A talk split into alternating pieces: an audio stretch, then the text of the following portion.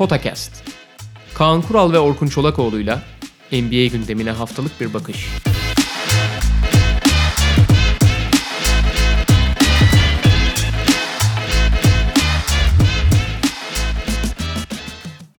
Merhaba, Podcast'a hoş geldiniz. Ee, sezonun ikinci bölümüyle karşınızdayız. Geçen programda Doğu Konferansı takımlarını değerlendirmiştik. Sezon başı durumlarına göz atmıştık ve Batı Konferansı'yla devam edeceğiz. Birinci lige çıktık. Gerçekten de iki konferansı değerlendirdiğimizde ki aslında e, birkaç yıldır bu durum devam ediyor. Euro Cup'tan Euro Lig'e çıkmış gibi his- hissediyorsun. Abi şey çok acayip ya. Yıllardır konuşuyoruz bunları da. Yani tabii NBA içinde de konuşuluyor.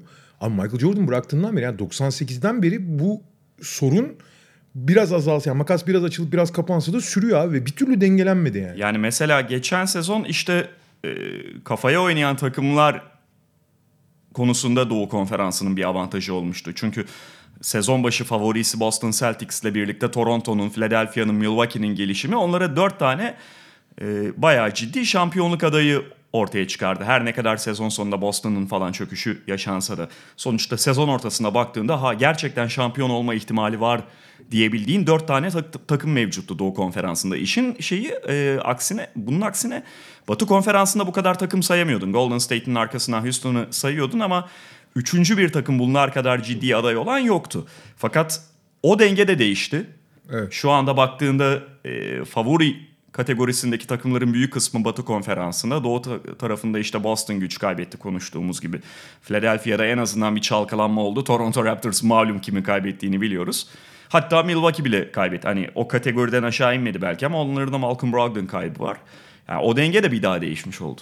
Ya şey çok acayip. Sonuçta NBA dinamikleri aşağıda kalan takımların yukarı çıkmasını sağlıyor. Tabii ki iyi yönetim, daha yenilikçi yönetimler falan batıda da şöyle bir sorun oldu abi. Şimdi son zamanlarda konuşuluyor ya daha çok favori batıda işte doğu batı playoff ayrımı ortadan kalktı. En büyük sorunlardan biri abi bu makasın kapanmamasından.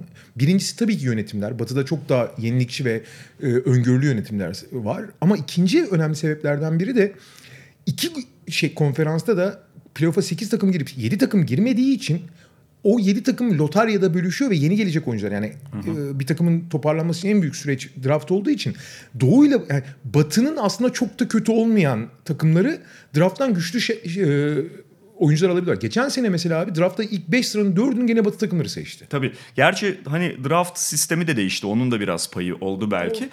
Ben ha sen Bu dengeyi abi. bozmak için abi e, yani 7 Doğu 7 Batı takımının draft, lotaryaya girmemesi lazım. Doğal olarak da playoff sisteminin değişmesi lazım yani. Ben şunun da çok etken olduğunu düşünüyorum. Şimdi bu dengesizlik haliyle Doğu Konferansı'nda playoff'a girmeyi daha kolay hale getiriyor. Batı Konferansı'nda çok hakikaten iyi bir takım olmalısın playoff'a girmek için.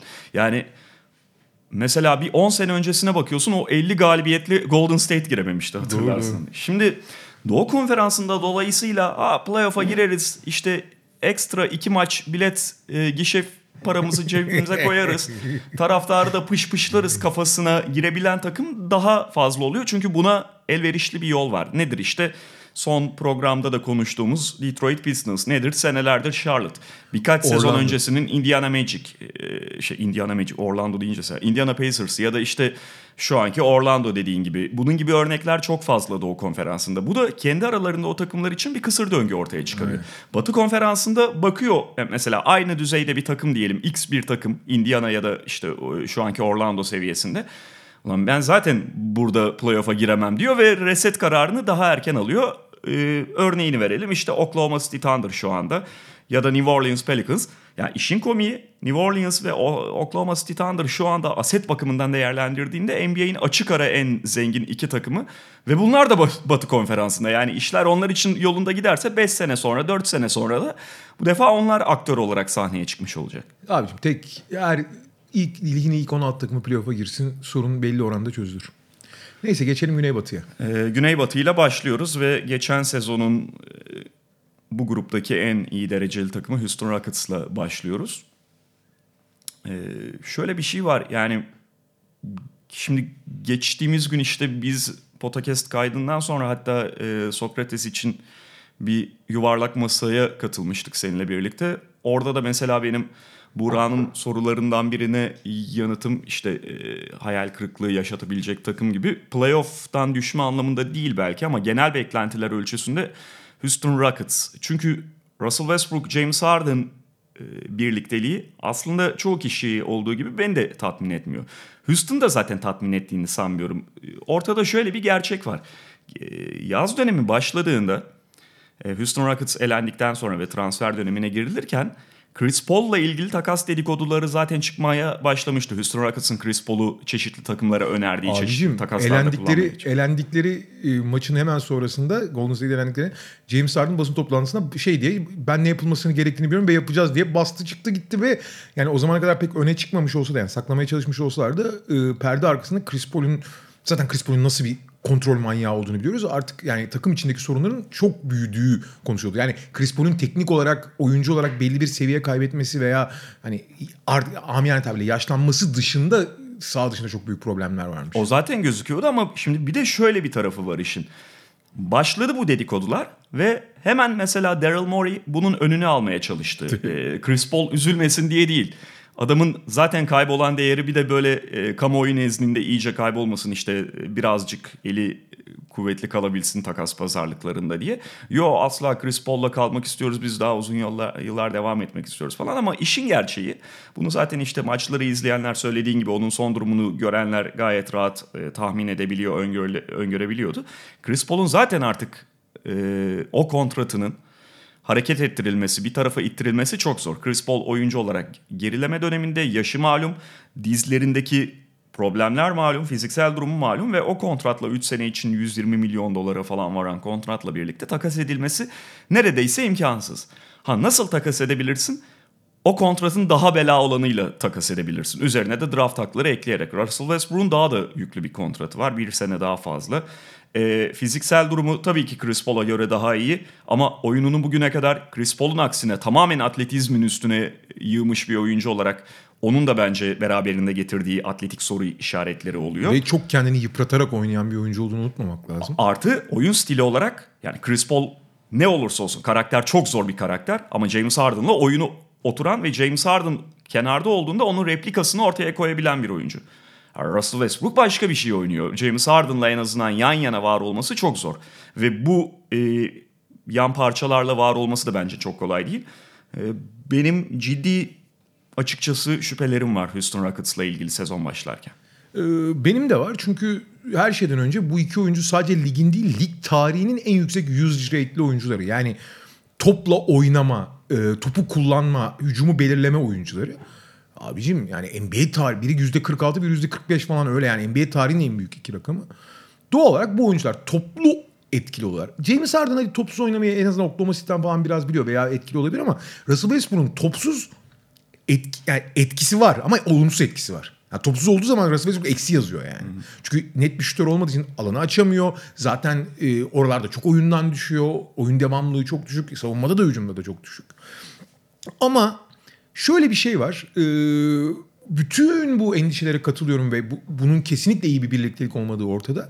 Fakat endişe verici olduğu kadar da kötü olmadı. Bir iki tane olumlu noktası olduğunu düşünüyorum. Birincisi bu ikisinin çok iyi arkadaş olduğunu unutmamak lazım. Yani çok olumlu yaklaşacaklar ve bu onların motivasyonuna bir şeyleri iyi yapmak için çabalamasını sağlayacaktır. Geçen senenin Houston'un sorunu sezon sonunda artık kimse daha iyisini yapmak için çabalamıyordu. Gerçi Harden o kadar bağımsız oynuyor ki Harden'ın derdi çünkü maç kazanmak değil. Maçı yani basketbolu bozmaya çalışıyor Harden. Yani nereden, nereden bozarım? Kurcalıyor yani sürekli. Ki nitekim yaptığı her şey basketbolun zayıflıkları, kuralların e, gri alanlarını zorlamak üzerine. Yani bakıyorsun işte bu step back'i olsun, bu tek adım üzerine oyun, oyunun olsun. Her şey steps'in sınırlarında. Bir kısmı steps, bir kısmı değil. Hakemleri de çok zorluyor, rakipleri de çok zorluyor. Şimdi tek ayak üzerinden üçlük falan atıyor biliyorsun. Yani e, bugün dünya yani Michael Jordan ve Kobe Bryant'la gelen e, NBA'in en önemli e, dış oyuncu silahı fadeaway jump shot. Yani artık step back olmasının en temel sebeplerinden biri Harden yani bunun en büyük ustası olarak. Ve basketbol tekniklerini değiştirmeye başladı Yedeni'ye. Ve 1'e 9 gayet rahat oynayabiliyor. Yani Harden'ı NBA'deki 30 takımdan herhangi birine götürsen ciddi bir hücum potansiyeli yaratıyor. Çünkü başka hiçbir şeye ihtiyacı yok adamın. Yani kendi kendine oynuyor. Ha bunun tabii madalyonun diğer yüzü var. Abi diğer oyuncuların oyunda kalması çok zor. Çünkü abi basketbol artık tamamen akıcılık üzerinden oynanıyor. Tamamen ahenk üzerinden oynanıyor. Tamamen kendini vermek üzerinden oynanıyor. Ben en iyi örneği şey geliyor düşünüyorum. 2001 e, Philadelphia gibi. Yani Iverson oynardı. Diğer herkes de abi artıkları toplamaya, arkasını toplamaya çalışırdı. Abi şimdi 2001'de bunu yapabiliyorsun biraz ama artık yapmak çok zor. O yüzden zaten buna en uygun oyuncuları bulmaya çalışıyorlar ve bu konuda bence Daryl Morey ve Daryl Morey çok iyi iş çıkardı. Yani e, Harden'ın oyu bir de Harden çok iyi bir karakter olduğu için hani takım arkadaşları ona hiç e, sistem etmiyor. Yani, yani Harden iyi bir şey yapmaya çalıştığını biliyorlar. Ha, sistem bu deyip kendilerini ona adapte ediyor ama yine de o algıları açık tutmak hiç kolay iş değil. Nitekim biraz o şeyden çıktığın zaman yani oyun akıcılığına kaptırmayıp ama e, alışkanlıkla oyunun içinden çıktığın zaman da çok düşüyorsun. Mesela geçen sezonun son bölümünde Clint Capela sakatlıktan döndükten sonra hiç kendine veremedi. Takım çok düştü mesela. İşte Daniel House dersin. Gerald Green maalesef ayağını kırdı ve muhtemelen sezonu kapatmış. Hı hı. Ee, onun eksikliği önemli. Ee, bunların hepsinin adapte olması bu yapıya yani Harden'ın yanında oynamaya Westbrook'un adapte olması hiç kolay değil. Nitek ama bir taraftan da Westbrook için eğer kendini verebilirse çok daha fazla topsuz penetre edebileceği, etkili olabileceği, açık alan bulabileceği, e, potaya gidebileceği boşluklar da bulacaktır. Ee, kesinlikle ideal değil. Kesinlikle bölük pörçük. Bölük pörçük olması ama Houston için çok problem değil. Nasıl bir formül olacağını merak ediyorum. Şey olmayacak. E, kesinlikle ideal olmayacak. Ama ben Houston konusunda e, kötü olacaklarını düşünmüyorum. Gene iyi olacaklar fakat tahmin ettikleri kadar iyi değil. O yani yan parçalarda da işte Gerald Green'in sakatlığından bahsettin. Evet dar oynamaya alıştılar ama iyice daralmış gözüküyorlar ve yani bu da artık onları yakalamaya başlıyor. Ee, ve Doğru şu... ama abi yani evet de onların e, gerek D'Antoni'nin gerek Harden'ın geniş kadro kullanmaması ha bunun bir sürü yan etkisi var. Mesela playoff'a geldiği zaman Harden çok yorulmuş oluyor vesaire vesaire falan ama yani onları direkt normal sezon için çok e, evet etkileyecek ama büyük etkileyecek faktörler olduğunu düşünmüyorum ben. Ee, yani mesela Chris Paul o tip parçaları işte Harden ha. kenardayken onun replikası oluyor diyorum ya.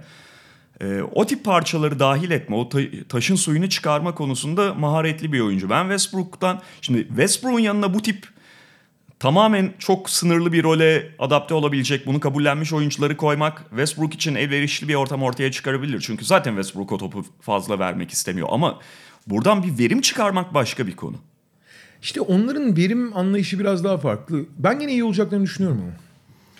San Antonio ile devam edelim. San Antonio Spurs geçen sezon başlarken de John. Murray'i kaybetmişti. Bir anlamda bir transfer yapmış gibi giriyorlar ama tabii ağır bir sakatlık sonrası Dijon Temer'in oyununda da atletizm önemli bir yer kaplarken hangi seviyede olacağını, ne kadar olacağını henüz bilmiyoruz. Hazırlık maçlarında fena gözükmedi. Ee, ve geçen sezon tabii Murray'nin yokluğunda White öne çıkma şansı buldu. Çok da ciddi gelişim gösterdi. Bugün San Antonio'nun arka alanına baktığında Paddy Mills, Bryn Forbes gibi alternatifleri e, bir kenara koyarsak Derek White ve DeJounte Murray iyi bir ikili, iyi bir genç ikili. E, onları da DeMar DeRozan'la Marcus Aldridge gibi veteran skorerler tamamlıyor. Ama ortaya da şöyle bir problem çıkıyor bu dört oyuncunun tamamını birlikte değerlendirdiğinde. Hepsi orta mesafe seven oyuncular. Yani burada alanı kim açacak? E, pivotunda en azından ilk 5 pivotunun Jakob Poeltl olduğunu düşünürsen. Daha doğrusu onu kenardan da getirebilirdi. Hani kafaya e, şey e, bir tahmin yapmamız gerektiğinde böyle dizebiliriz. o zaman bu oyuncuların bazılarını işte belki White'ı kenardan getirerek falan o gruptan ayırmak ve e, iki farklı beş ortaya çıkarmak gerekiyor gibi. Çünkü oyunlar biraz birbirinin üzerine biniyor. Philadelphia ile birlikte tüm NBA'in gittiği yönün dışında bir yön belirlemiş takım San Antonio. Yani tüm NBA işte pace and space'e dayalı, daha kısa, daha hareketli, daha şuta dayalı beşler oynarken işte Philadelphia çok büyük bir beş kurmayı tercih etti. San Antonio ise hani üçlük atıyorlar bu arada gayet atıyorlar. Yüzdeli de atıyorlar ama az atıyorlar. Ve daha çok e, herkesin vebalı gibi kaçtığı orta mesafeyi çok fazla kullanıyor. Bunun tabii bir, küçük de olsa bir avantajı var. Bütün savunma kurguları 3 sayı ve penetreyi savunmak üzerine olduğu için orta mesafeye alınan önlemler veya dikkat e, çok daha düşük oluyor takımlarda ve savunma kurguları hep orta mesafe şutu vermek üzerine kurulu. Buralarda rahat eden oyuncular da normalden daha yüksek verim alıyorlar bundan. Nitekim bunda geçen sezon ne kadar başarılı olduğunu da gördük.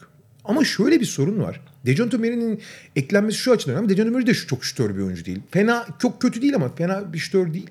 Fakat takımın çok ciddi bir savunma sorunu var. Yani tamam Popovic çok disiplinli, çok kolektif falan filan da abi e, malzeme o kadar problemli ki. Bir kere savunmanın temel direği pot alt. Yani pivot. Ve genelde Lamarcus Aldridge çok maçın önemli bölümü 5 numara oynuyor. Oynamak zorunda çünkü artık pivotla birlikte oynattığın zaman başka problemler çıkıyor. Çünkü e, abi Lamarcus Aldridge NBA'in en yavaş ayaklı uzunlarından biri. Kimsenin önünde kalamıyor yani.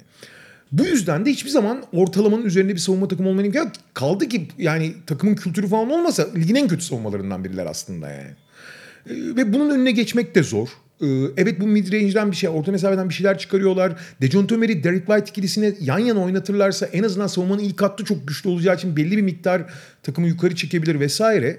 E, takımın geniş kadro kullanması, herkes hazır tutması, devamlılığı vesaire gibi konularda onları playoff yarışında gene tutacaktır. Ama ben playoff yarışının geçen seneki gibi son sıraları için aday olduğunu düşünüyorum San Antonio'nun. Ve oraya tutunamama ihtimali de var en ufak bir terslikte. O geniş kadroları da aslında biraz daralmıştı. Ne bu sezon bu yaz özellikle kanat rotasyonu bayağı güçlendirdiler. Yine en azından genişlettiler diyelim. Abi 12. oyuncu ya da işte 9 ila 15. oyuncu arası oyuncuları hazır tutmak konusunda San Antonio'nun üstüne takım bulamayız yani. O yüzden çok değerler. Onlar bir de yazın küçük de olsa yani çok önemli gözükmese önemli bir kazık yediler. Da, e, Marcus Morris'le anlaşmışlardı. O yüzden Davis Bertans'ı bıraktılar ki Bertans o takımda nokta şütör olarak işte Patty Mills ve Marco Bellinelli ile birlikte çok önemli bir rol üstleniyordu. Fakat Morris son anda ee, gelmiyorum. Bu arada Bertans'ı bırakmış, bırakmak zorunda kaldıkları için orada küçük de olsa bir darbe aldılar. Ee, ve bugünkü yani ilk beşi bir kenara bırakıyorum. Bench rotasyonlarına baktığında Patty Mills hatta Lonnie Walker'ı yazabilirsin onunla birlikte. Bryn Forbes şut konusunda onları çok destekleyecek. Marco Bellinelli, Rudy Gay, DeMar Carroll, Trey Lyles e, diye gidiyor. E, yani Şamanic ne kadar oynar onu bilmiyorum. Trey Lyles'ı ben ilginç buluyorum. Yani lige girdiğinden beri ben onu beğenirim genelde ama biliyorsun Utah'ta Trey Lyles'ın iş ahlakıyla ilgili soru işaretleri oluşmuştu ve Utah'tan postalanmasında onun, onun önemli bir faktör olduğu söyleniyordu. Şimdi o konuda kendini düzeltmediyse kaldı ki Denver'da da hani önce rotasyon dışı kaldı sonra paketlendi. O konuda kendini düzeltmediyse Greg Popovich'le de işi zor olacaktır ama Trey Greg Lyles bayağı yetenekli bir oyuncu. Greg Popovich oyunculara bayılır ya. Bu tip oyuncuları. Çok sever yani. Hayır burada adam edilebilir. Belki bu San Antonio kültürü evet iyi gelebilir. Özellikli bir oyuncu çünkü Trey Lyles. Yani öyle işte iki tane şeyi iyi yapıyor ve onun dışında çok büyük zayıflıkları var. Sahada tutulamaz diyebileceğim bir oyuncu değil. Birçok şeyi iyi yapabiliyor ama bugüne kadar hiç istikrar sağlayamadı. Belki de o işte çalışma e, alışkanlıklarıyla alakalı olarak. Olabilir. Benim sezon başlarken en merak ettiğim takım belki de New Orleans Pelicans. Hazırlık döneminde de gümbür gümbürler gümbür var. gümbür geliyordu. Ee, ama ilk canlarını sıkan gelişme dün gece yaşandı. Ee, Zion Williamson'ın dizindeki ağrılar nedeniyle dün oynatılmıyor. Bugün mü oynatılmayacaktı pardon. Ee, pardon bu, ge- bu gece maçları var galiba. Yani biz bu kaydı işte cuma yapıyoruz. Sanıyorum bu gece maçları vardı ve şey oynatılmayacağı açıklanmıştı dün gece. Sadece dinlendirme ama- amaçlı da değil. Dizinde ağrılar varmış. Onunla ilgili çünkü zaten en büyük korku dizinden o meydana gelebilecek problemlerdi. Ama onu bir kenara koyarsak bu sakatlık şüphelerini, dizle ilgili şüpheleri bir kenara koyarsak e, muazzam bir genç nüve elde ettiler. Üstelik daha da bunun etrafına döşeme yapabilir, daha da şey çeşitlendirebilirler soracağım ilerleyen yıllarda. Bir şey soracağım. Anthony Davis şu anda NBA'nin en değerli 3-4 oyuncusundan biri değil mi? Yani ben 7 diyorum da neyse önemli. En değerli dünyanın. Ve yaşına bakarsan yani yaş ve beklenti olarak en iyi 3-4 oyuncudan biri. Yani onun yaşında yani bir Yanis'le kıyaslarsın belki falan. Abi böyle bir oyuncuya sahip olabilmek yani takımın kaderini değiştirir. Bu oyuncuyu kaybedip kaybettiler ve önümüzdeki 5 seneye daha olumlu bakabiliyorlar abi. Bu, bu akıl almaz bir değişim ya. Kesinlikle. Ve işte oyuncunun gerçekten senin söylediğin gibi o ilk 7-6 her neyse içerisinde olması, e, yaşının hangi noktada olması. Çünkü yani Anthony Davis 93 doğumlu hala oyununun en verimli çağlar, çağlarına dönemine ancak giren bir oyuncu. Çok fazla talebinin olması, biraz piyasa şartları falan bunları mümkün kılabiliyor. Her zaman Lakers gibi çaresiz bir alıcınızın ya da ya da e, adayın olması orada sizin işinizi kolaylaştırıyor. Ama şimdi bakıyorsun e, Brandon Ingram gibi özellikle geçen sezonun ikinci yarısında sakatlığına kadar ki bütün e, şeyleri atlatmış e, semptomlarını hani gayet sağlıklıymış. E, bir e, Çin malı Kevin Durant olma e, ihtimali olan bir oyuncu. Lonzo Ball gibi takımı yönettiği zaman asıl değerlerini. Lonzo Ball'un bir sürü eksiği var, bir sürü problemi var. Ama ta- direksiyonu verdiğin zaman takımı çok iyi idare edebilecek. Fizikli bir gard olduğu için birçok başka artı getirebilecek bir oyuncu. Bu takımın direksiyonu tamamen ona teslim edilmiş durumda. Keza Lonzo Ball'un gelmesi ve istediği role oturması Drew Holiday'in de daha istediği rolü oynamasını sağlayan bir faktör oluyor. E, bunun yanında Josh Hart gibi iki yönlü çok kullanabileceğin bir oyuncu alıyorsun. Draftta şans da yanlarında Zion Williamson'ı alıyorsun ve bir tane takasla daha sonra e, bir tane Cameron Reddish'i de Cameron Reddish'ti değil mi? Şey, Hay- Hayes. Pardon Ja- Jackson, Jackson Hayes. Hayes. Jackson Hayes'i alıyorsun. E, Cameron Reddish şey Atlanta'ya gitmiş. Atlanta'ya. Atlanta'ya gitmişti o takastan sonra. E, Jackson Hayes'i alabiliyorsun. Ve abi baktığın zaman bir- birbirine uyumları açısından işte Lonzo Ball, Drew Holiday, Ingram, Zion Williamson ve bir de üstüne son anda başka bir piyango daha çıkıyor. Utah şeyi aldıktan sonra Bogdanovic'i aldıktan sonra e, Gobert'le tek uzunlu sisteme giriyor ve son kadronun son senin Derek Favors'dan ayrılmak istiyor ve Derek Favors'ı alıyorsun bir de yetmezmiş gibi. Ve J.J. Redick de var. Bir de JJ Redick'i alıyorsun aradan. Yani bu yani takıma hem e, pota altında bir veteran çember savunucu getiriyorsun. Çok genç bir takım olduğu için savunmada büyük problem yaşayacaklar. Ama oraya Derek Favors'ı alıyorsun. İyi bir savunma ekolünden gelmiş bir uzunu. Başka bir uzunla birlikte oynamayı öğrenmiş bir uzunu. E Redick gibi bir lider karakter alıyorsun. Cebinde de bir sürü dra- draft Bir hakkı sürü de draft hakkı alıyorsun. Ama yani draft hakları falan tamam orta vadede 5 sene sonrası falan iyi de şu anki kadronun bile hazırlık maçındaki o yüksek tempoda neler yapabileceğini görünce insan heyecanlanmamak elde değil yani. Hatta ben onlara Nikhil Alexander Walker'ı da ekleyeyim. Ha Çaylak. Evet. Ee, çaylak sınıfının hem hazır hem de yani biraz gerilere düşmüş olabilir. Çünkü direkt takım taşıyacak oyunculardan biri değildi o çaylak sınıfında. Ama e, rotasyon parçası olarak çok değerli olabilir. Hazırlık maçlarında zaten bunu gösteriyor. Onu da aldılar. Ve çok geniş bir kadroları var. Çok fazla ileriyi taşıyabilecek genç oyuncuya sahipler. E, Drew Holiday, Derek Favors gibi kısmen daha deneyimli oyuncular da onlarla uyum sağlayabilecek hem yaşta hem de karakterde işte özelliklerde. Ee, muazzam ya. Muazzam Onların gerçekten. durumu yani daha fazlasını herhalde bekleyemezlerdi. Ya mesela Lonzo Ball, Brandon Ingram gibi Lakers'ta biraz beklentinin altında kalmış oyunculara da o baskının hem LeBron hem Lakers baskısının altından çıkmanın ben çok fayda sağlayacağını düşünüyorum. Sadece onun bile. üstüne üstlük bütün takım bir yani bu tip genç takımların en büyük sorunu genelde savunma devamlılığı vesaire olur. Bu savunma devamlılığını sağlayabilecek çok güzel bir yapı var. Yani Lonzo Ball, Drew Holiday ikilisiyle başlıyorsun ki ikisi de iyi üst düzey savunmacı. Ve arkada Derek Favors'ı ekliyorsun. Bir. İkincisi bütün takım neredeyse Derek Favors hariç diyelim müthiş tempolu oynamaya çok yatkın. E Favors da 5 numarada başlayacak Evet zaten. yani ve idare eder yani. Yani herkesin de zaten tempo. Abi e, bu takım bir kere çok keyif verecek orası kesin. Ve e, Zion Williamson'ın sağlığı her zaman bir soru işareti olacak. Çünkü o kadar korkunç bir e, atletizme ve vücuda sahip ki yani abi 130 kilo falan yani. Hani e, dizlerinin durumu da bu diz açısı problemi onun. E, her zaman bir soru işareti yaratacak ama yani onun sağlıklı kaldığı varsayımıyla bu sezon ciddi ciddi e, çok tehlikeli bir takım ve playoff yarışından kolay kolay düşmeyeceklerdir bir problem yaşamadıkları sürece.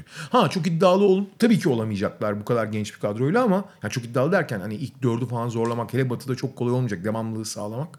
Ama e, sürekli her gece en tehlikeli takım konumunda olacaklar bence ve en keyif veren takım. Bu noktadan sonra sıra taraftarlı. Yani kombinelere hücum eder. Kombinelere hücum eder. Bu arada ettiler biliyorsun. Abi diyeceksin bu oyuncuların hep parası nereden çıkmış?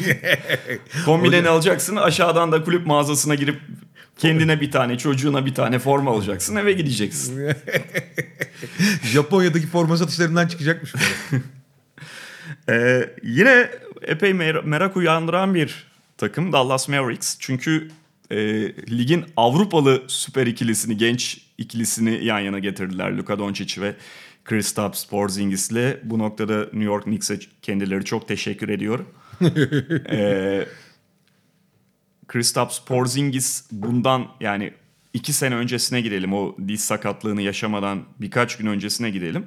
Zaten ligin hani bundan sonraki döneminin en önemli, en dominant oyuncularından biri olarak gösteriliyordu ve o sezon da hali hazırda çok iyi oynuyordu. MVP adayıydı abi. Ee, Hadi o biraz çok zorlama diyelim ama bayağı iyi oynuyordu yani. Hani Şöyle e, 2017 Mart'ı oluyordu. Pardon 2018 Mart'ı özür dilerim. 2018 Mart'ında sakatlandı. e, Şubat sonu muydu hatırlamıyorum. E, sakatlandığı sırada MVP listelerinde 5. 6. gösteriliyordu. Tamam hani favori değildi ama abi lig, o sezonun ligin en iyi 6-7 oyuncusundan birinden bahsediyorsun yani. E, Luka Doncic'in de geçtiğimiz sezonu nasıl oynadığı ortada. Bunların yaşları birbirine yakın. E, dönem olarak da birbirlerini yakalıyorlar. Ve bunları bir araya getirdi Dallas Mavericks. E, yanları- Avrupa Av- Avrupa versiyon LeBron Anthony Davis oldular ya. hakikaten e, ha, oyun uyum bakımından gerçekten de e, hiç en azından kağıt üzerinde bir problem yok gibi gözüküyor. Tabii Dallas'la ilgili şurada belki bir e, şüphe doğabilir. Bunların etrafındaki oyuncular ne kadar iyi e, onların oyununu tamamlayacak ve sezonu götürebilecek cinsten. Ya tamamen şey yapmıyorum. Yani kötü demiyorum. Sadece biraz işte e,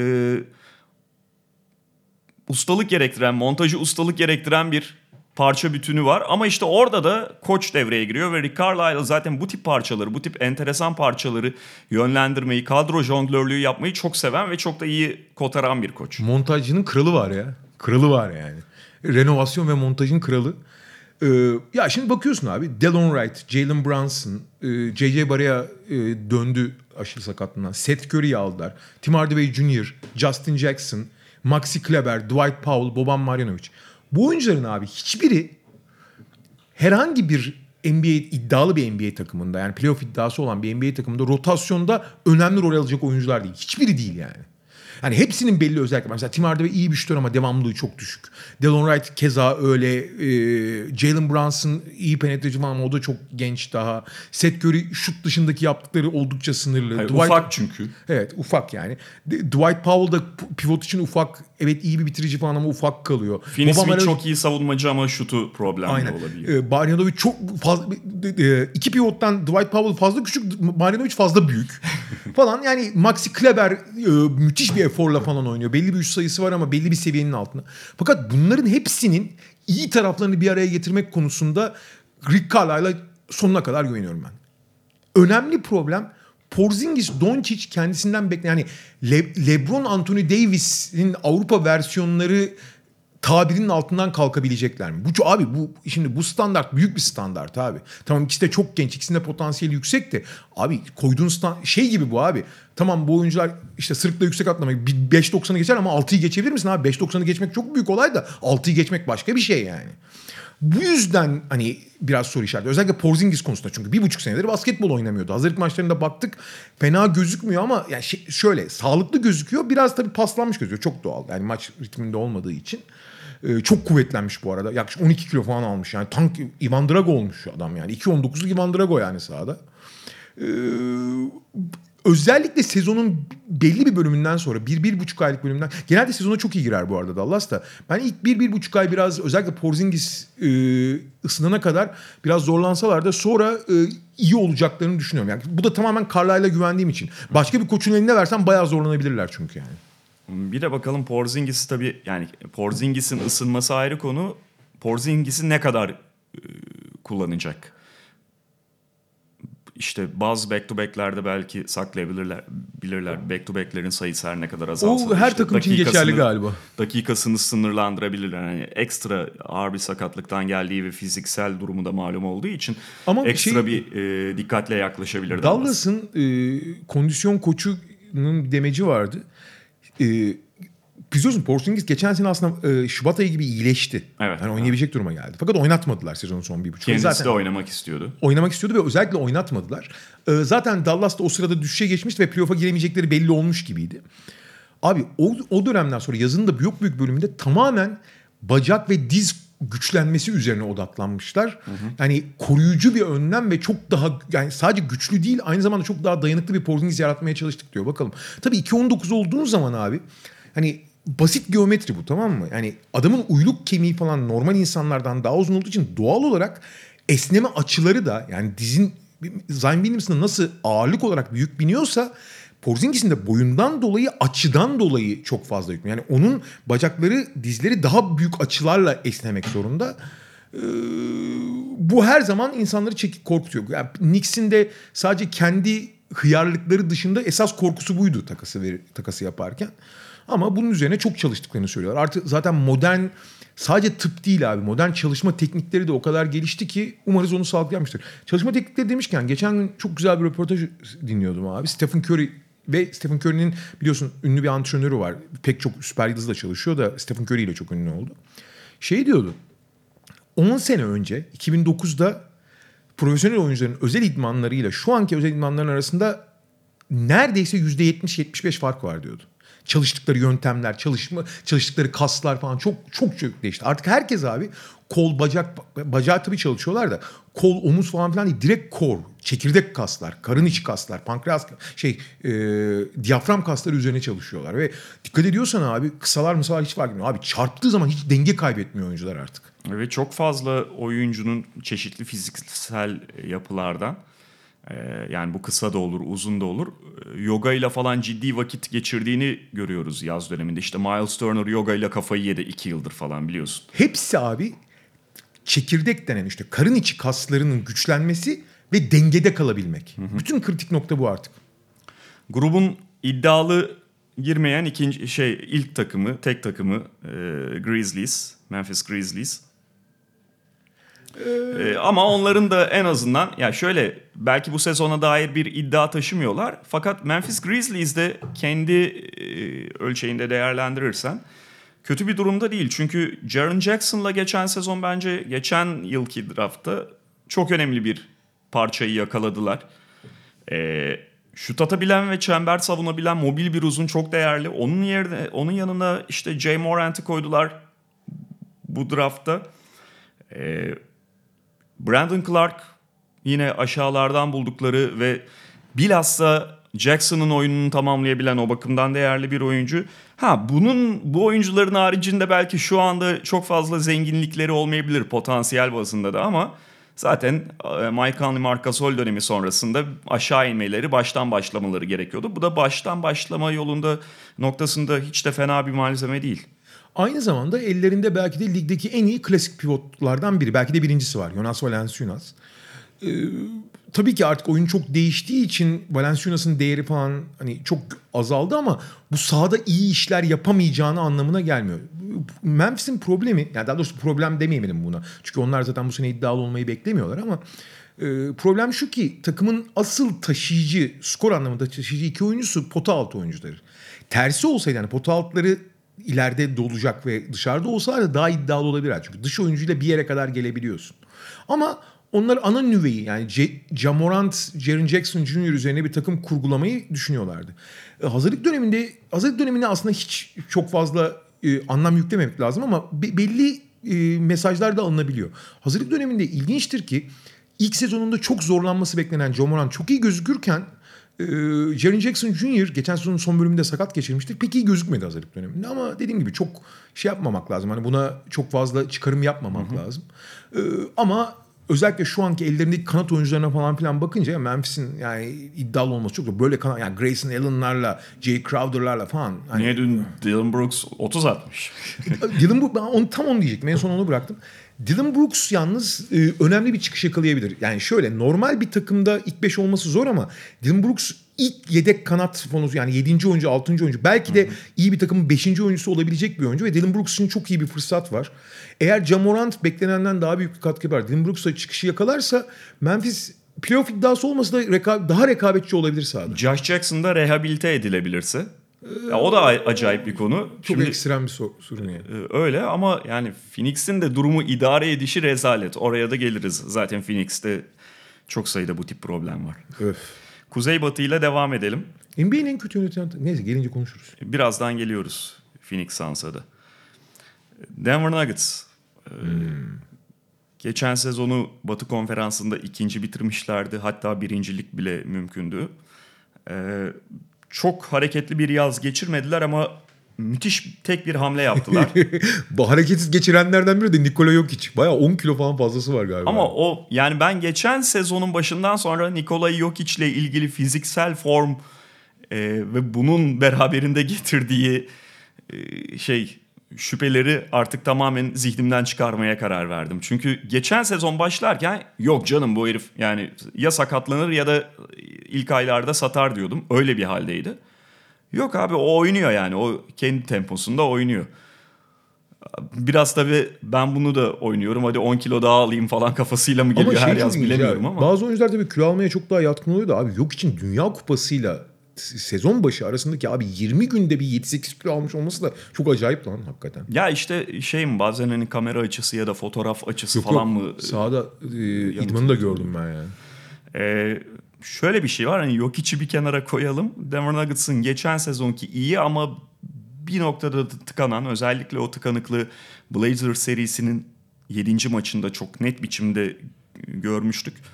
O tıkanan takımına yapabilecekleri herhalde koşullar dahilinde en iyi transferi yaptılar.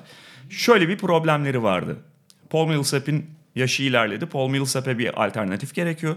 Nikola Jokic'e bir alternatif gerekiyor. İkisiyle birlikte aynı zamanda sahada var olabilecek 5 numaradan 1 numaraya her pozisyonu savunabilecek, mümkünse şut da atabilecek bir oyuncu gerekiyor. Mümkünse Real, Ma- mümkünse Real Madrid'de oynayacak. Bunları yaptığında zaten Real Madrid kadrosundan bakabileceğiniz bir oyuncu. Ee, bunu tabii hani söylemesi kolay.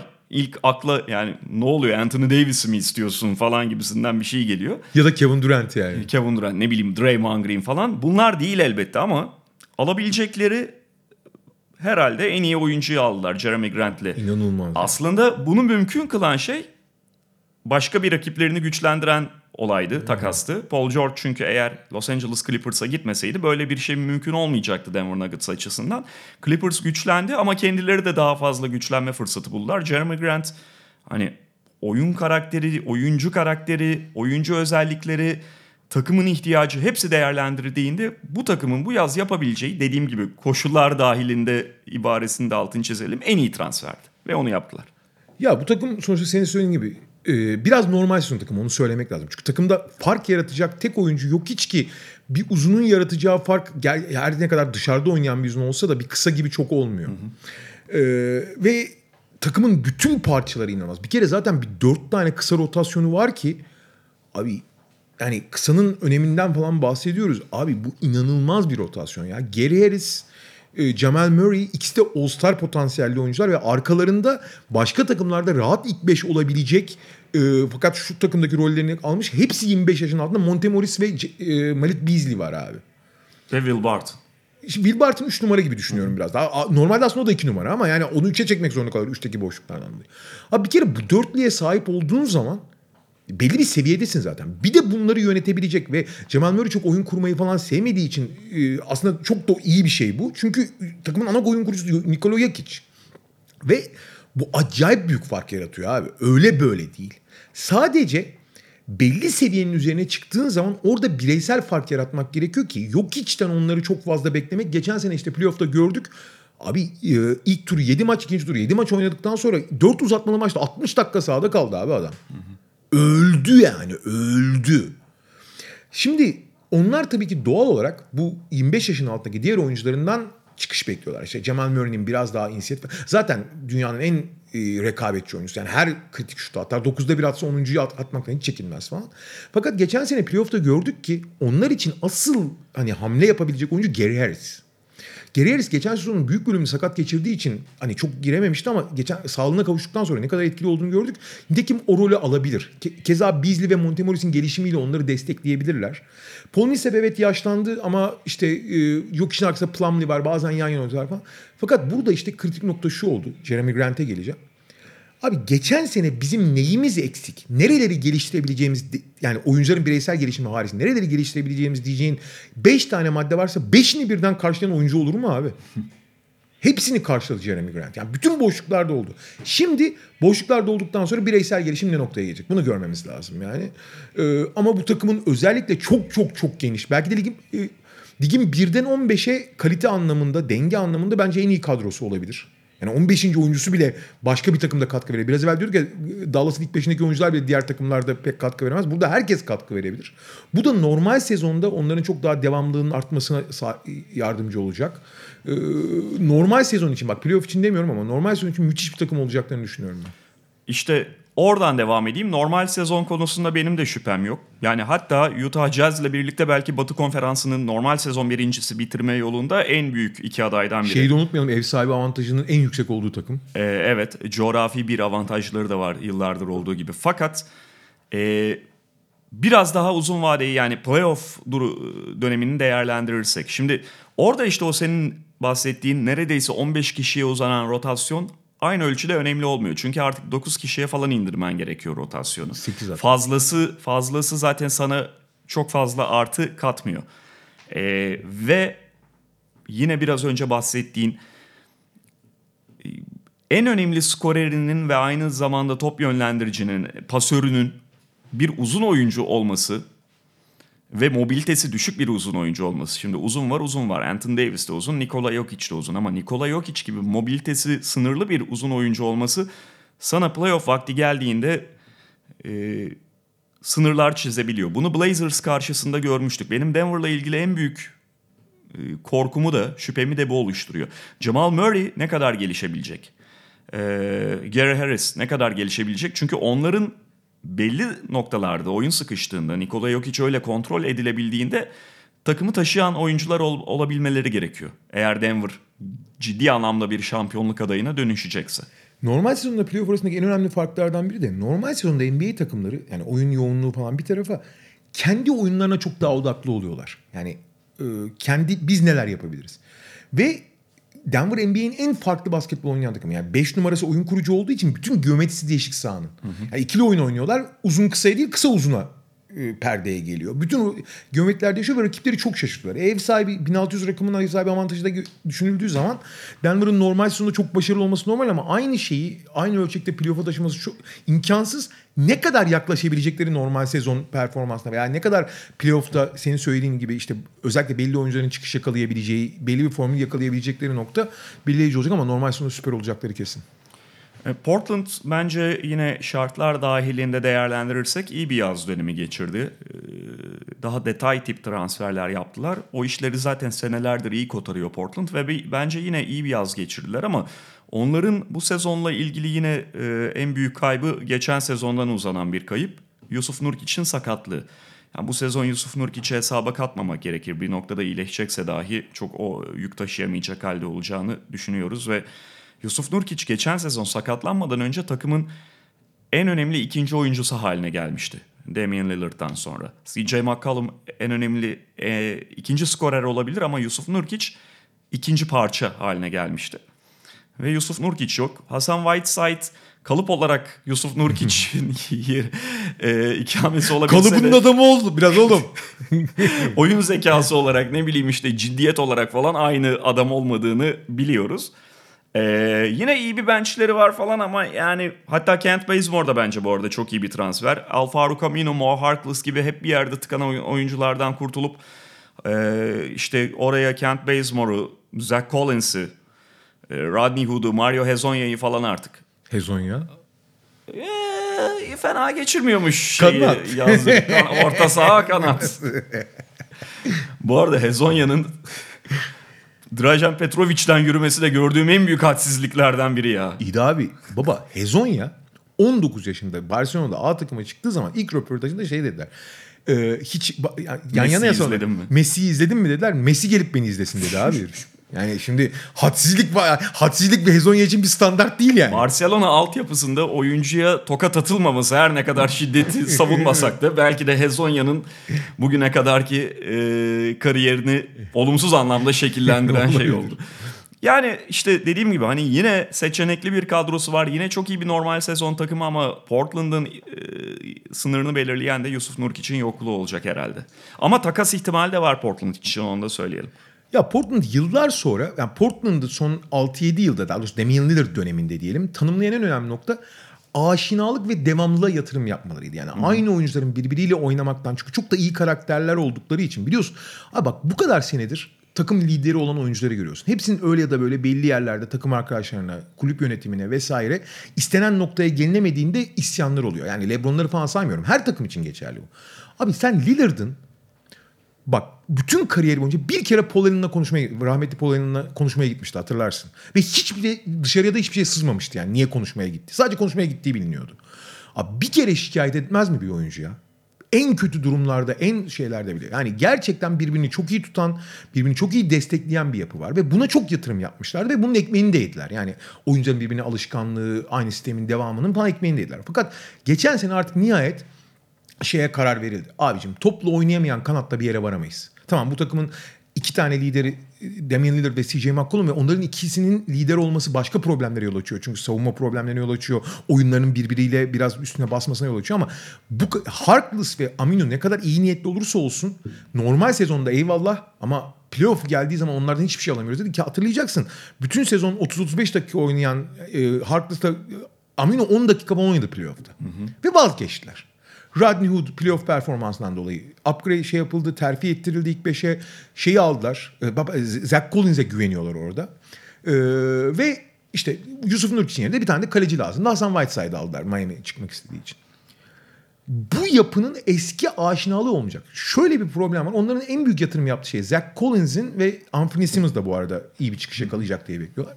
Bu takımın abi şeyi kilit oyuncusu Zach Collins. Zach Collins çünkü şut atabilen, blok yapabilen, inanılmaz atlet, 2-3 pozisyonu oynayabilen çok özel bir oyuncu. Fakat o kadar dağınık ki geçen sene playoff'ta hatırlamıyor musun? Girip 3 dakikada 5 foul yapıp oyundan 3 dakikada 4 top kaybı 5 foul yapıp oyundan çıktı ya. Sezona nasıl başladığını hatırlıyor musun ilk bir buçuk ay? İnanılmazdı yani. Ha doğal olarak olgunlaşacak abi oyuncu. Yetenekler var mı? Var. Ha bazen onları hiçbir zaman bir araya getiremiyor oyuncular ama getirmesi için takım yardımcı olacak ki bu takım gerçekten birbirini tutan bir takım. Zach Collins'den bu çıkışı yakalarlarsa yani o topla çok fazla oynayamasa en azından şut atabilen çok hareketli bir uzun olarak e, savunma hücum katkısı her yere katkısı artarsa Portland gerçekten o e, biraz e, kısır döngüye giden çık- çıkıştan e, döngüden çıkabileceğini düşünüyor. Ama mesela bunu Zach Collins'den bu aşamada beklemek ya beklentileri bence biraz fazla gibi. Zach Collins'in gene dağıldığı bölümler çok olacaktır. Maç maç ve çeyrek çeyrek. İkincisi abi e, güvenlikleri ikinci oyuncu Rodney Hood ki Abi Rodney Hood geldiği günden beri bir All-Star potansiyeli gösteriyor ama onu yatırım yapan her takımı yarı yolda bıraktı abi. Yani o devamlılığı sağlıyor. Bazı oyuncularda sporcu şeyi olmuyor ruhu.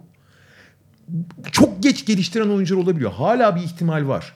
Ama o ihtimal her geçen gün çok çok daha düşüyor ve Rodney Hood'a güvenen herkesin başına gelen başlarına gelebilir yani. Ya güven demişken Hasan Whiteside'ı zaten kadroda barındırmak e, başlı başına iddialı bir güven durumu ama işte hani hangi Hasan Whiteside olacak? devamlılık ve aşinalıktan çıkıp risk almak zorunda hissettiler yani ve gerçekten özellikle Hood, Hood Collins ve e, Whiteside üçü de risk. Ha abi McCollum'la Lillard öyle bir dengeleyici unsur ve kısa oldukları için de dengelediği için o riskleri mümkün olduğundan en az darbeyle atlatacaklardır ama. İleri gitmek için mecburlardı abi. Az önce Jeremy Grant Denver Nuggets birlikteliğinin ne kadar cuk oturan bir transfer olduğundan bahsetmiştik. Bir benzer çok cuk oturan transferi Utah Jazz yaptı. Yani Mike Conley onlara zaten çok yakıştırılan bir oyuncuydu. Hatta geçen sezonun ortasında işte Mike Conley sezon ortası takısıyla gelebilir e, gibi haberler vardı. Çok da istiyorlardı. Sonra o takası yapamasalar da yaz dönemi transferi olarak geldi. Ee, bu takımın yapısına çok uyuyor. Takımın belli eksiklerini kapatıyor. Belki yaşı ilerledi ama hala önünde birkaç sezon var. Ve o son derece doğru bir tra- transfer. Keza şutöre hala ihtiyaçları vardı. Boyan Bogdanovic'i aldılar ki Boyan Bogdanovic e, oyununu gerçekten üst seviyelere çıkardı NBA'de. Ee, Rudy Gobert'in etrafında belki onlar işte Derek Favors yani iki uzunla oynamayı tercih ediyorlardı. Ama hep playoff'ta bir noktada zaten Gobert artı 4 kısaya basit tabirle dönmek durumunda kalıyorlardı. Bu defa baştan belki de öyle başlayacaklar. Hep Gobert'in etrafında daha oyunu açacak tipte 4 numaralar e, kadroda görüyoruz. Yani Bogdanovic 1-4 numara gibi oynayabilir. İşte Joe Ingles o rolü oynayabilir. E, Jeff Green'i aldılar. Yine bunu oynayabilecek şekilde. Ed Davis de artık Gobert'in yedeği olacak.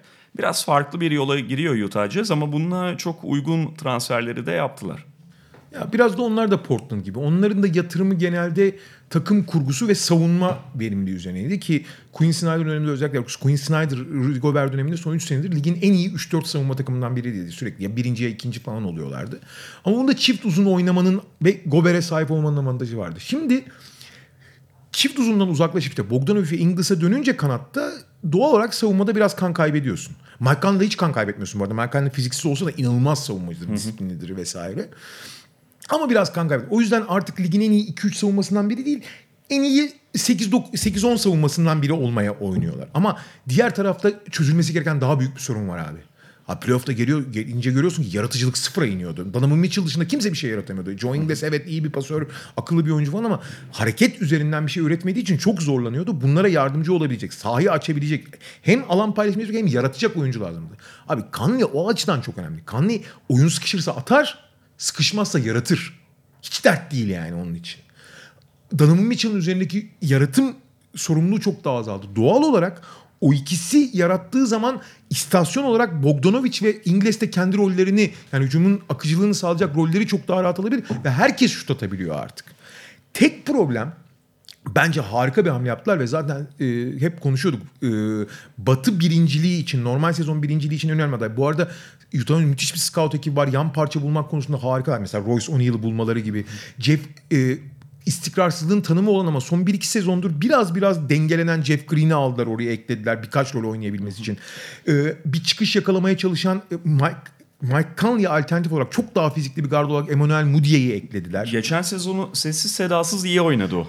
İstikrarsız tabii ama sonuçta alternatif rol olarak müthiş. Artı... Knicks'te onu öp başına koy yani. Knicks'te yaptı çocuk bir de onu. O da doğru. Ve Mike Conley'nin tam tersi çok fizikli guard. Mesela e, Mike Conley'nin fiziğinin belli oranlarda daha fizikli bir garda dönmek e, dönmek istersen alabileceğin bir alternatif. Yani sadece tamamlayacak değil alternatif olabilecek de bir oyuncu bazı eşleşmeler için.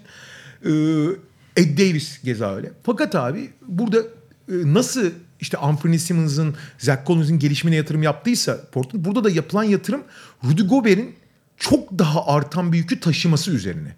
Çünkü bütün savunma kurgusu, bu elit savunma kurgusu her şeyi Rudy Gobert'in üzerine kanalize etmekten geçiyor ve bunda başarıyor Rudy Gobert. Ama abi bu seneki yük inanılmaz fazla olacak. Ki Dünya Kupası oynarken de gördük ki Rudy Gobert çok bazen iniş çıkışlı olabiliyor. Abi Dünya Kupası'nda 3 tane maç arka arka oynadı. Arka arkaya oynadı. Avustralya, Amerika ve şey e, Arjantin değil mi? Arjantin. Abi üçü arasında aynı oyuncu demezsin yani hani performansı. Rudy Gobert ne kadar yıpranacak, ne kadar altından kalkacak bence Utah için en belirleyici nokta o.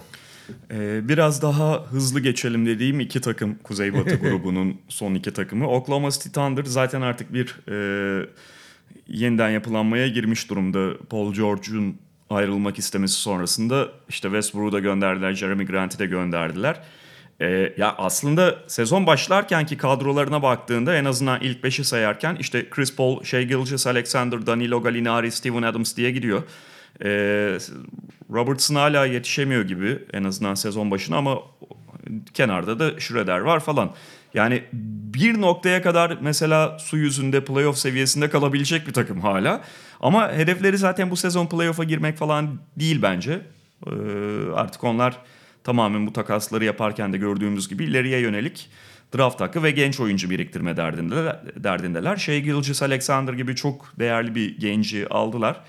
E, bolca da draft hakkı elde ettiler. Bundan sonra işte Chris Paul'u hangi aşamada göndereceklerini falan düşünüyoruz ya da e, Danilo Gallinari'yi.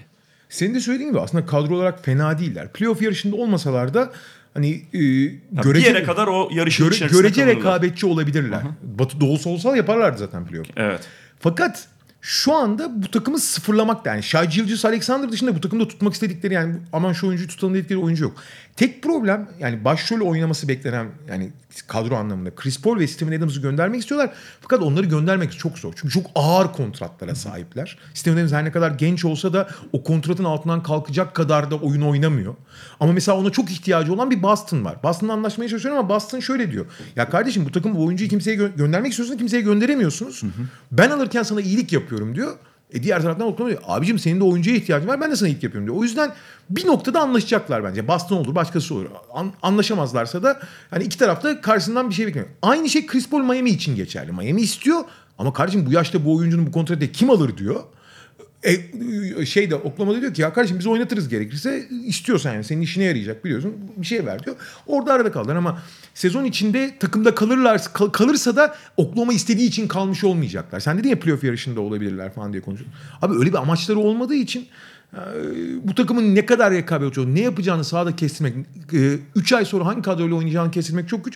Tek bildiğimiz şey takımı sıfırlamak istedikleri. Sam Presti'yi Bill Donovan'a telefon açarken hayal edebiliyorum. Fazla kaldık artık kalmayalım playoff yarışında. Timberwolves'ta da geçen gün e, Carl Anthony Towns'un enteresan bir demeci vardı. Yani insanlar bizi küçümsemeye devam etsin gibisinden çevirebileceğimiz.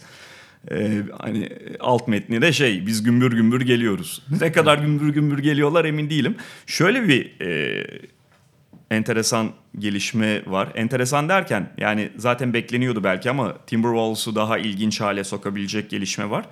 Ee, Carl Anthony Towns'u hep Taj Gibson'la falan izliyorduk bundan önceki dönemde. Ee, artık onu net 5 numaraya koyup etrafında daha alanı açacak, sahayı açacak tipte bir 5 ile oynatacaklar gibi. Robert Covington'ı 4 oynatıyorlar, Towns'u 5 oynatıyorlar ve çok daha şutör bir takım oluştu ama Timberwolves'un geçen sezonlarda da onları aşağıda tutan savunma problemleri baki.